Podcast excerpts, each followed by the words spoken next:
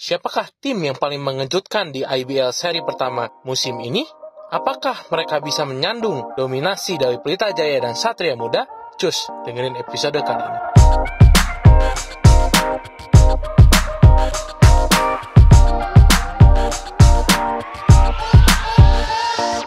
Selamat pagi, selamat siang, selamat sore, dan selamat malam para pendengar setia Abastok.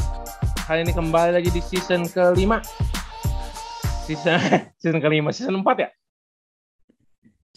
season ke gue nggak tahu seasonnya sekarang kan udah comeback season nih iya comeback udah season lah lagi. comeback season Lupa tapi itu. episode ke enam berarti ya Chan Iya, karena uh, setelah kita berkolaborasi tadi ya bareng Box ya. Out dan sudah ada episode uh, terbaru sebelumnya dengan uh, pembahasan tim-tim yang agak bapuk di seri pertama seperti ya. internet ya. saya yang bapuk. Yoi, jelas. sekali.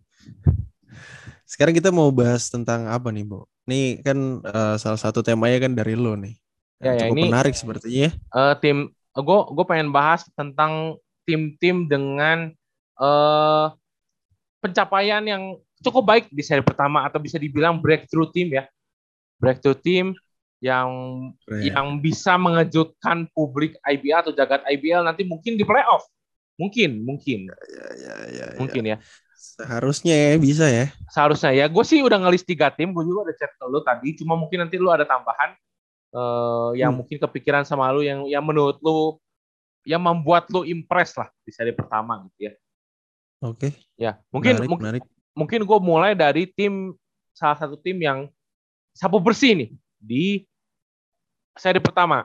Selain Pelita Jaya tentunya yang tentunya tidak di luar ekspektasi kita, pastinya dia hmm. akan mendominasi di Pelita yep. Jaya.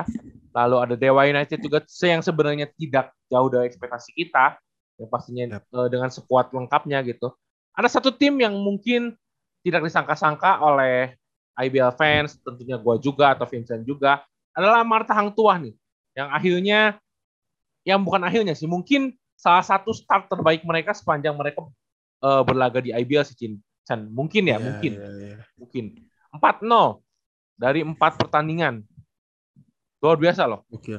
Perubahan biasa. yang perubahan yang menurut gua sangat sangat signifikan dengan materi pemain yang kurang lebih tidak jauh beda sebenarnya secara pemain lokal mm -hmm. ya. Pemain yeah. lokal tidak jauh berbeda tapi uh, perlu diingat musim ini mereka mempunyai pemain asing. Tahun lalu kan mereka nggak pakai pemain asing ya, bubble ya. Gitu. Di tahun lalu uh, gue inget banget mereka sangat struggle banget. Nyari satu kemenangannya susahnya minta ampun dengan dengan hmm. dilatih sama coach Fari. Tapi tahun ini terlihat sangat menjanjikan ya. Walaupun di di laga pertama udah diingetin banget tuh sama Bung sama Bung Ridwan sama Bung Econ kalau mereka kehilangan Kelly Purwanto. Yang kalau bisa dibilang ya. uh, itu adalah primary ball handlernya mereka ya Chen ya. Playmakernya ya Chen ya Ya, ya mereka tampil di empat pertandingan ini dengan empat kemenangan dengan tanpa uh, point guard murni ya kalau bisa dibilang gitu. Mm-hmm. Dan menurut gue salah satu tim yang sangat uh, memiliki apa ya vibes yang sangat bagus sih. Vibesnya itu dalam, dalam artian uh, lingkungannya apa ya? Ekspresinya sangat enak dilihat gitu kayak have fun aja mhm. main mm-hmm. gitu. Ya mungkin itu yang membuat mereka yang membuat mereka tampil sangat lepas ya Chan ya di seri pertama ini ya. ya. Ya, seri pertama ini tampil sangat lepas. Terus kita juga harus mengingatkan bahwa mereka mengambil pemain asing yang yang yang menurut gue sangat tepat ya. Lakavius Q. Cotton dan uh, Anton Waters yang yang dua-duanya pernah bermain di Liga Indonesia juga gitu. Sebelumnya yeah. Anton Waters pernah bermain di Pasifik, lalu Q. Cotton juga emang sebelumnya pernah di Hang Tua gitu. Jadi secara secara tim ini tim bukan tim baru ya Chen ya kalau bisa dibilang. Yeah bukan tim baru berarti tim yang sebenarnya uh, sudah pernah ada tapi dengan uh, coaching staff yang lebih baik lah kalau menurut gua gitu ya kalau tahun lalu kita iya, lihat iya. emang pemain asing uh, apa pemain-pemain yang tua kebanyakan nembak dan nggak masuk masuk justru tahun hmm. ini menurut gua sangat bervariatif gitu ya dengan hadirnya coach Inal di, yeah. di, di kepala kepala apa coaching staff gitu menurut gua ber, eh, permainannya sangat menghibur dalam dalam artian tidak hanya menembak tiga angka aja gitu. Mereka berani bermain di pen area, mereka berani uh, nerobos nerobos drive drive yang uh, memancing lawan untuk uh, apa ya defense-nya lebih ke dalam jadinya bisa kick out keluar gitu. Itu satu permainan hmm. yang menurut gue tidak ada di Hang Tua musim lalu. Dan satu yeah. satu catatan terakhir dari gue mungkin nanti bisa tambahin adalah uh, gemilangnya Sheffield Rondonu menurut gue. Ini satu hmm. pemain yang menurut gue menjadi kalau misalnya uh, kita nyontek hashtagnya Bali United ya game changers ya, game changersnya Hang Tua gitu di seri pertama. Gitu. Hmm. Gitu. Ya itu sih mungkin ya. Lu lu mungkin ada tambah tentang Hang Tua? Ya, uh, kalau gue sih melihat Hang Tua ini uh, dengan adanya coach Inal, dia benar-benar uh, really show his class sih di seri pertama. Maksud yeah, gue yeah. dengan dengan ya dia nggak perlu berada di tim besar gitu, maksudnya di tim seperti Satria taruhlah Satria Muda dan Pelita Jaya untuk benar-benar uh, ngasih tahu kalau gue bisa ngelatih dia hanya dengan lu kasih gue materi pemain seperti apa gue bisa bisa buat uh, salah satu kejutan di uh, eh, IBL dan dia ya. benar-benar ngasih lihat itu sih di di seri pertama ya gue melihat uh, Safely dan If benar-benar dewasa banget dalam uh, ngelakuin uh, dari dari sisi offense ya nih. Kita dia mm -hmm. gue ngeliat yeah. kemarin juga gue ngeliat gamenya langsung dia benar-benar uh, bisa mengontrol game gue ngeliat. Ya. Gue rasa itu Tujuh. itu udah pasti udah pasti uh, tangan dinginnya dari coach Inal sih yang buat mereka berdua jadi lebih efisien di iya. empat yeah. game terakhir ya. Terbukti dari offensive ratingnya yang dia offensive rating mereka berdua itu di atas 100 dari tiga game sebelumnya itu menurut gue salah satu pencapaian yang luar biasa ya dari Safely dan If mereka sangat improve walaupun If juga uh, di season lalu juga improve lah ya. Kita sempat sempat ya, mention juga di sempat singgung juga uh, ya walaupun kalah terus ya Chen betul sempat uh, sangat improve sih If dan dia uh, membuktikan bahwa gue tuh bukan pemain yang uh, ibaratnya kalau di lagu tuh one hit wonders. Itu lagu kayak apa ya kayak lagunya Hubastang in the Reason. Gue uh, gue tuh seperti itu. Maksudnya gue tuh nggak nggak nggak cuman pem, pemain yang di satu season doang bisa bagus tapi gue yeah. bisa dua season ini bisa konsisten bermain seperti itu bermain uh, sangat bagus dengan offensive rating uh, percentage yang tadi gue sudah sebutin ditambah Anton Waters bersama Q yang uh, eh, gue melihat sih langsung nyetel dengan sistemnya coach Inal ya. Benar. Dan gue syarat buat permainan Q sih yang uh, gue melihat dia di pen unstoppable. Dia Anton atau Q? Q sih. Dan hmm. gue ngeliat sih dia sangat eksplosif ya dari uh, dang-dangnya dan lain-lain. Dan Q ini masuk dalam salah satu jajaran uh, top points ya di average top pointsnya dia bisa dapetin 18,5 average per game ya untuk uh, Q Cotton dan Anton Waters kalau nggak salah juga masih uh, berada di top points juga. Beberapa uh, game dua game awal kalau nggak salah dia mencetak uh, sekitar 21 poin sama 26 poin. Itu uh, menurut gue jadi uh, kartu as buat ofensif Amarta Hang Tua sih. Dan menurut gue tim ini akan sangat uh, berbahaya ke depannya kalau mereka bisa konsisten. Dan satu lagi tanpa uh, cedera itu dia penting sih menurut penting, gue penting di seri-seri selanjutnya. Karena game kemarin game tuh game kemarin tuh lawan Tangerang Hawks.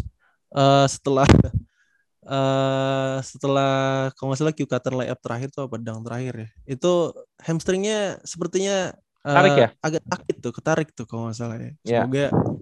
ya tidak kenapa-kenapa di seri kedua nanti. Karena gue ngeliat Kyukatan juga jadi poin penting sih di Amarta Hang Tua. Ya, itu ya. sih kalau gue melihat Amarta Hang Tua seperti itu ya. Ya ya. Kalau gue kalau gue pribadi justru gue lebih impress ke Anton Waters ya. Mungkin kalau Vincent Kyukatan kalau gue Anton Waters ya.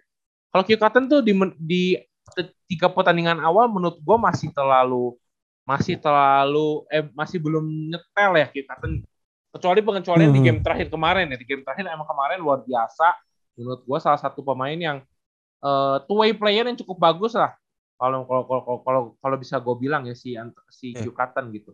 Tapi kalau misalnya review dari empat pertandingan, kalau menurut gua justru Anton Waters yang menjadi motornya Hang Tua gitu dengan hmm. pengalaman dia di paint area yang sangat bagus gitu loh dan dan secara size juga menurut gua eh, emang emang emang dia salah satu yang terkuat ya di liga ya di selain hmm. Lohon lalu ada Tyler Tyler Robinson gitu menurut gua Anton Waters tuh salah satu yang terkuat ya secara fisikal ya. Yeah, yeah, yeah. gitu. Makanya menurut gua e, bagaimana caranya Coach Inal kembali lagi dengan bahasan pemain asing tadi gua bahas di Rans, bagaimana mm -hmm. Coach Inal bisa merotasi pemain asing ini dengan tepat bukan yeah. dengan tepat ya kapan Q main, kapan si Anton main gitu. Jangan sampai si Q ini kan kemarin sempet tuh sempet kalau gue lihat di video.com sempet dia tuh agak kesal ya baru main sedikit diganti baru main hmm. sedikit diganti sama Anton Waters Nah ini menurut gue percikan-percikan kecil kayak gini bisa merusak tim nih. Makanya ini PR juga yeah. besar untuk tim-tim bukan hang tua aja, tim-tim yang uh, sangat mengandalkan pemain asingnya. Bagaimana mereka harus bisa memaintain menit bermain sih. Kapan harus main, kapan harus rest gitu. Karena yeah. ya iya. namanya pemain asing bukan uh, namanya pemain asing mereka dibayar untuk bermain di sini gitu. Tapi ya mereka juga seorang manusia lah gitu. Mereka juga pengen main hmm. gitu kan. Kalau misalnya canangin hmm. terus, ya kesel juga gitu. Kayak kemarin Kyokatan kan sempet-sempet ada slack juga gitu. Kalau gue yeah. lihat dari iya. video.com itu PR sih buat buat um, buat Kainal ya, buat Bang Inal ya. Gimana yeah. caranya untuk memaintain menit bermain sih.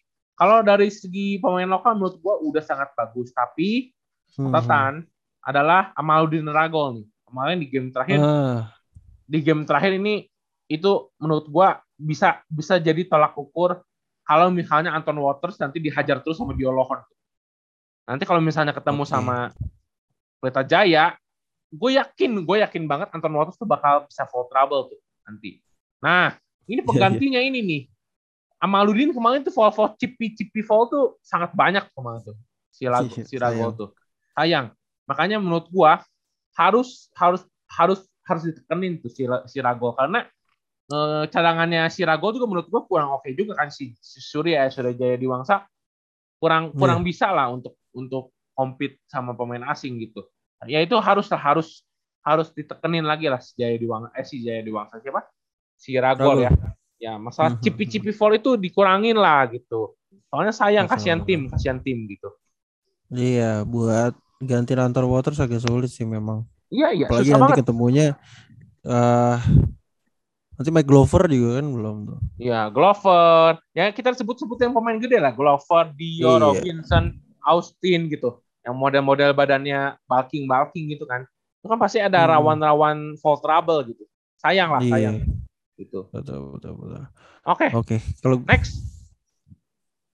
Next nih uh, mau kalau gue sih sangat tertarik dengan ini sih salah satu tim dari uh, ujung Papua nih. Yoi. NSA Mountain Gold. Gue sebenarnya gue uh, ini banget sih apa uh, impress banget dengan permainnya Safar. Menurut gue dia jadi kartu as dari offense uh, NSA sejauh ini dengan average-nya paling tinggi di 28 liga. ya? Berapa 30? Uh, 25,5 average point per game. Wow.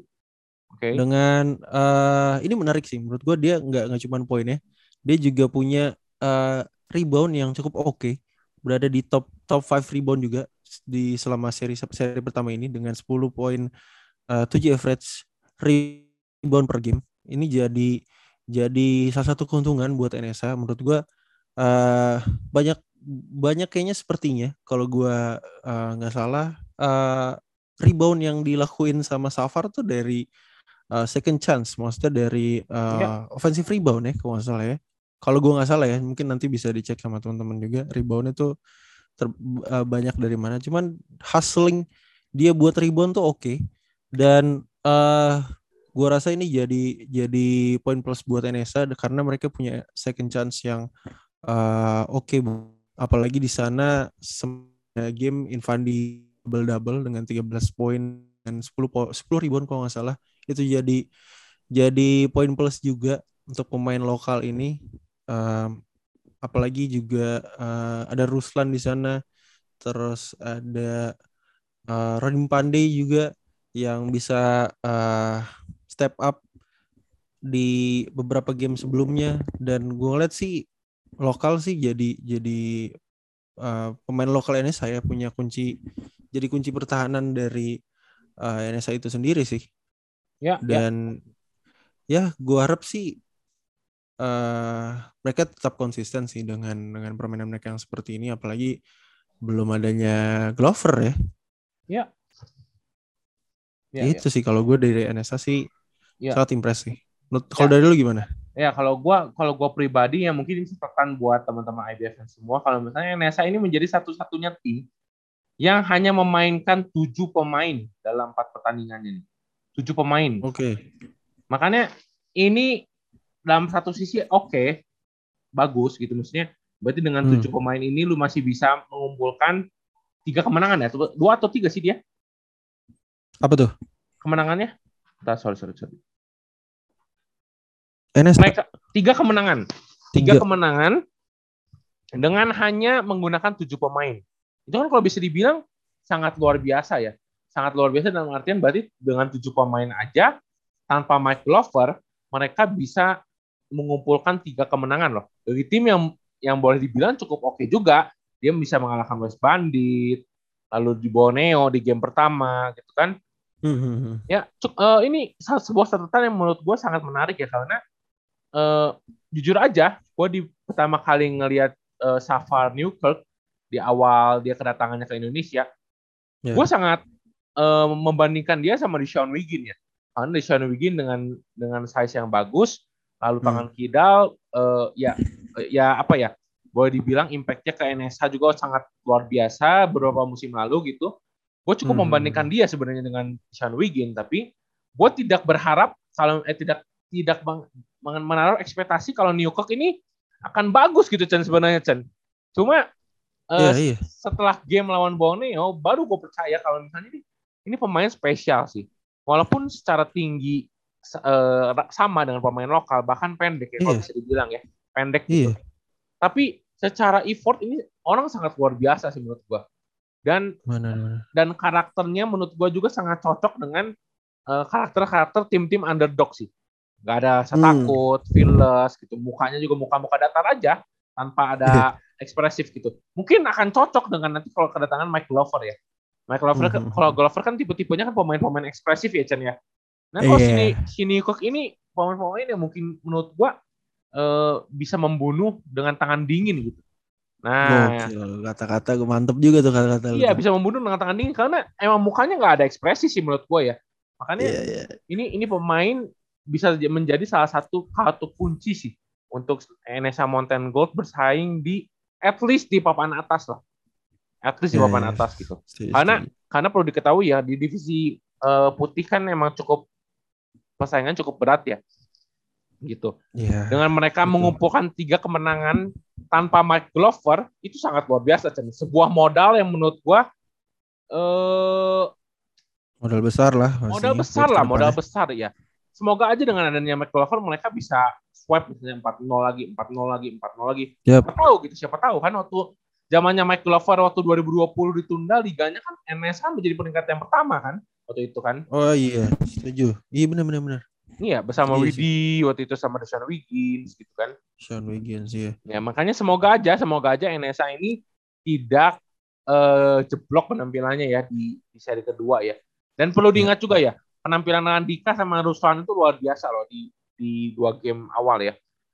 Ruslan hmm. dengan ya ekspektasi kita ke Acim gimana sih Chen dengan yeah. cedera, cedera dengan yeah. ACL dua-duanya kakinya gitu kita tidak yeah. dapat ekspektasi dia bermain 20 menit atau 30 menit lebih, tapi nyatanya dia dikasih kepercayaan dan bisa membayar itu gitu.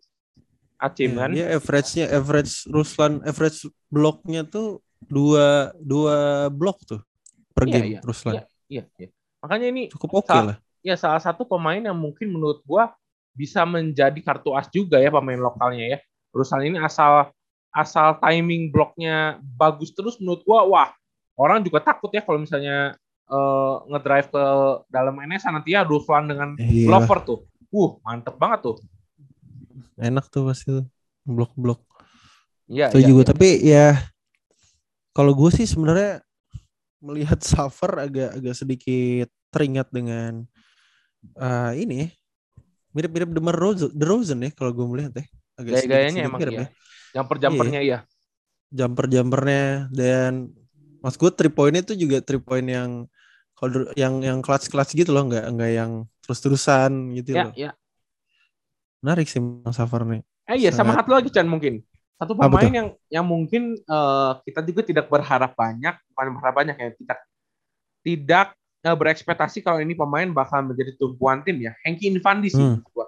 Ini Hengki Iya, ini itu itu.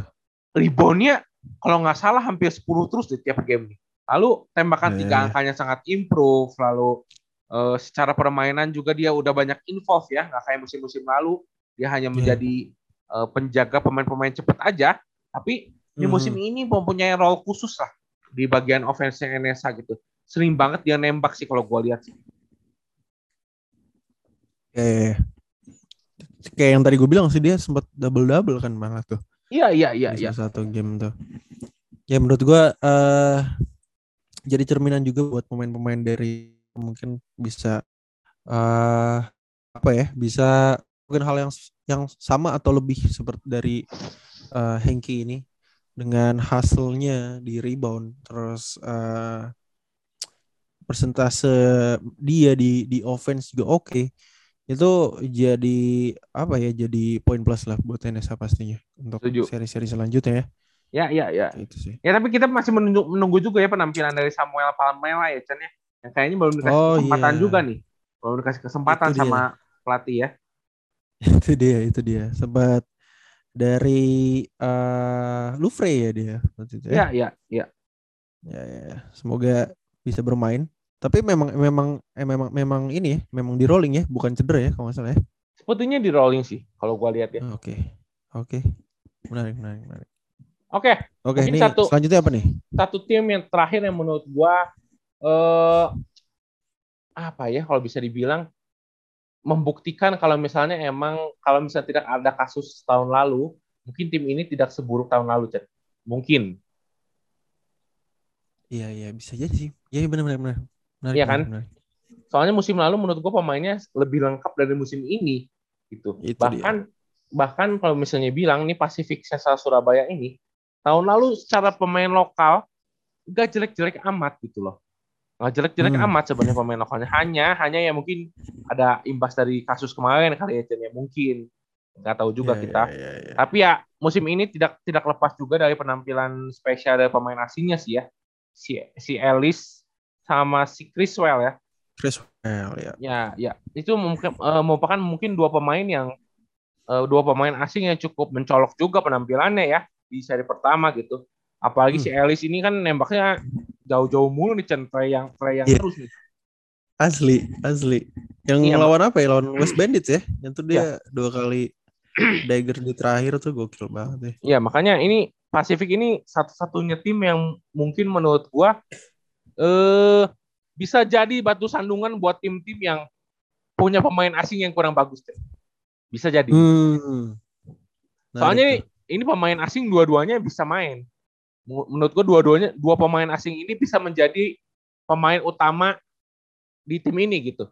Ya, Kalau ya. misalnya kita lihat Evos kan kayak tadi gue bilang kan si Jaywan Hill sama si eh bukan Mokocisnya kan bukan bukan pemain asing yang menjadi pilihan utama harusnya ya gitu. ya. Tapi kalau misalnya si ini dua-duanya nih si Chris Paul sama si Ellis ini mereka bergantian pun nggak masalah Chan. Menurut gua ya. Oke oke aja ya selalu ya Oke oke aja, makanya ini punya masalah buat tim-tim yang punya pemain asing yang jagonya cuma satu, Cen. Kalau menurut gua. Hmm. ya ya menarik tuh jadi hot take sih gitu Heeh. Karena Setuju. karena karena ini dua-duanya sangat dominan ya, walaupun si Criswell secara tembakan kurang bagus juga, nggak nggak sebagus si Ellis, cuma eh, di paint areanya cukup oke gitu si Criswell ini bisa main luar juga lah gitu katanya Ya, ya, gitu. ya, ya. Ya makanya ini ini ini pendapat dari gua aja ya. Semoga aja bisa dibuktikan oleh pemain-pemain Pasifik Eh, di seri kedua ini kalau misalnya me- mereka bisa main kayak gini lagi, bukan tidak mungkin nih sebuah Cinder- Cinderella story yang eh, tahun lalu hancur parah tahun ini bisa menjadi satu comeback yang luar biasa bagi mereka gitu. Ya, ya, setuju, setuju, setuju. Gue melihat sih buat si Pasifik sih menurut gue uh, di seri satu ya uh, mereka sih punya underdog mentality sih yang pertama. Terus no pressure di setiap gamenya. Bermain lepas. Uh, pemain-pemain lokalnya juga lead di guardnya. Ditambah uh, pemain asing di Criswell dan Ellis jadi kartu as dalam squad mereka sih. Gue ngeliat Criswell dan Ellis nih punya size yang besar terus uh, oke okay juga berotot. Ya. Dan sepertinya all, all around player nih dia bisa main di center juga bisa bumping bumping bisa nembak oke okay banget gue gue sih uh, pengen banget ngelihat uh, dua pemain ini bisa step up. Bukan bukan step up ya maksudnya uh, bisa sangat konsisten lah di seri-seri selanjutnya. Dan ya balik balik lagi sih tadi dengan dengan uh, tanpa pressure dari mana-mana dengan pemain yang ada aja dipakai pemain lokal yang ada aja Pasifik bisa bisa uh, tiga kemenangan berarti ya sejauh ini ya? Iya iya. Tiga kemenangan di seri pertama cukup mengejutkan sih menurut gue ya. Apalagi sangat mengejutkan. Ya apalagi kehilangan beberapa beberapa beberapa pemain yang cukup uh, yang lumayan penting menurut gue di dalam tim. Eh, uh, Pasifik hanya satu kemenangan, Chen. Satu kemenangan aja. Tiga oh, satu kemenangan ya. Tapi secara satu permainan, ya? secara permainan oke. Okay. Iya, iya, ya, setuju gue, setuju gue. Sangat oke okay sih. Uh, Mas gue sempat sempat memberikan kejutan-kejutan ya di di beberapa tiga kekalahan itu mereka bisa mesti nggak nggak nggak sampai blow out blow out banget lah ya kalau misalnya mm -hmm. sangat tipis skornya dan gue sih salut sama uh, Chrysler sih dia uh, sangat tenang dalam mengambil tembakan-tembakan three point. Iya, setuju. Dan menurut gue di di di setiap momen-momen uh, lagi kejar-kejaran, Chrysler ini apa ya? Maksud gue uh, udah dewasa sih, udah dewasa dalam mengambil keputusan sih dari dia nembak, terus uh, passingnya juga oke okay banget, uh, two pointsnya juga lumayan lah walaupun nggak nggak bagus-bagus banget, cuman ya itu sih maksud gue dia bisa improve dari dari musim selanjutnya sih. Kalau ya, ya, jangan di, jangan di, itu sih. Iya jangan dilupain juga ya perannya Nathan sama Gregorio ya. Ini dua pemain yang selain Chris oh, iya. mungkin dua pemain ini adalah uh, nyawanya Pasifik gitu. Apalagi Yoyo kan itu dia. Sebenarnya kalau ngelihat Yoyo itu aduh kalau dia bisa pindah ke tim yang lebih besar gitu mungkin ini pemain bisa jadi bintang nih. Mungkin ya. Hmm, karena ya, ini si Pasifik eh karena si Jonathan ini gue bilang sih lengkap banget ya paketnya ya. Bisa nembak, secara marketing juga oke okay, Chan. Ya gak sih? Secara iya, marketing. Setuju. Terus selalu secara defense oke okay, gitu. Uh, apa orangnya juga nggak neko-neko, nggak banyak bacot lah, nggak banyak trash talk hmm. lapangan gitu. Hanya ya udah, gue main basket aja gitu. Jonathan ini iya. menurut gue salah satu pemain yang bisa jadi incaran banyak klub nih. Kalau misalnya emang musim depan dia nggak perpanjang kontraknya atau lulus nih kuliahnya kan. Iya, iya, iya. iya. Bisa jadi nih. Mungkin nah, mungkin karena karena ketutup dua pemain asing ini kali ya role-nya. Jadi apalagi kan size-nya kan uh, dua pemain asing ini gede dan mereka bisa all round juga. Jadi sepertinya Yonatan agak sedikit tertutup perannya. Ya, Yonatan ya, mungkin ya. lebih lebih dibutuhkan untuk di rebound, di screen, di uh, apa two point dan segala macamnya sih ya poin-poin yeah. inilah uh, dibutuhkan dalam pekerjaan-pekerjaan kotor sebenarnya ya kayaknya Jonathan yeah, yeah, yeah. musim ini ya. Iya, iya. Ya, ya ini ini mungkin ini mungkin uh, tambahan dari gue ya. Ini mungkin Pasifik hmm. kita kita udah cukup segitu lah. Mungkin ini satu tim yang yeah. yang satu tim yang menurut gue uh, obrolannya bukan bukan bukan dalam hal obrolan bakal jadi kuda hitam. Mungkin ini bisa menjadi empat besar sih ya. Breakthrough okay. tim yang menurut gue sangat luar biasa musim ini itu West Bandit Solo ya. West Bandit hmm. ini West Bandit ini menurut gue sih salah satu tim dengan scouting terbaik sih menurut gue ya. Yep. Oh, tahun lalu dengan tiga rukinya itu si Patrick, Habib sama Rio tahun ini luar biasa banget sih mereka bertiga ya. Malah menjadi Gokil bintangnya sih. bintangnya tim ya. Gak nggak hanya Widi aja gitu jadinya kan. Widi punya teman yeah. gitu. Jadi hanya di, jadi mereka berempat gitu apalagi mereka pemilihan pick pemain asingnya juga sangat luar biasa bagus ya mereka kalau Waller terus Demonta Harris itu waduh kalau nonton mereka itu nggak berhenti dah gue uh, nggak berhenti decak kagumnya lah karena emang hmm. secara pemainan sangat luar biasa banget ya ini timnya. Apalagi ya. datangnya yeah. Ragil sama Gabriel si Gabu itu luar biasa sih menambah menambah peluru di luar hmm. pen area ya. Jadi ini satu tim yeah, yang yeah. Mungkin nanti bahasanya mungkin beda ya. Nah, ini cuma gue pengen uh, kasih apresiasi aja sih West Bandit gitu. Luar biasa lah West Bandit lah kalau menurut gue musim ini. Yep. Gue setuju sih dengan lo dengan uh, West Bandit yang punya uh, Demonta Harris. Dia average-nya tuh 18.5 average per game poinnya. Mm -hmm. Dan uh, kalau Wally juga walaupun gak gue melihat masih agak struggle kayak sepertinya di awal-awal cuman dia mem memperbaiki gamenya di dua game terakhir. Dan menurut gue sih komunikasi antar pemainnya sih bu chemistry-nya uh, antara Habib dan uh, Widi terus uh, Harris dengan uh, Patrick Nicholas. Itu mereka mereka kayaknya kalau di lapangan tuh kelihatan banget jalin komunikasi yang baik antara yeah. pemain tuh oke okay banget sih si ya West yeah, Bandit ini. Mungkin itu jadi poin penting West Bandit bisa step up di di ini sih di seri pertama ya. Iya ya dan dan dan perlu di garis bawahi juga ya kalau Widi itu ternyata segi kepemimpinannya tuh bagus banget ya ternyata ya. Widi ya. iya, ya. gue melihat dia beberapa beberapa highlights ya sepertinya dia sangat berani untuk speak up ke every player kayaknya ya. Iya, iya, iya. Ya. Gak pandang siapa pun itu. Gitu sih. Tapi uh, mungkin gue gua uh, agak bergeser sedikit nih, Bu. Sepertinya nggak cuman nggak cuman West Bandits, gue pengen menambahkan satu tim ini. Apa tuh?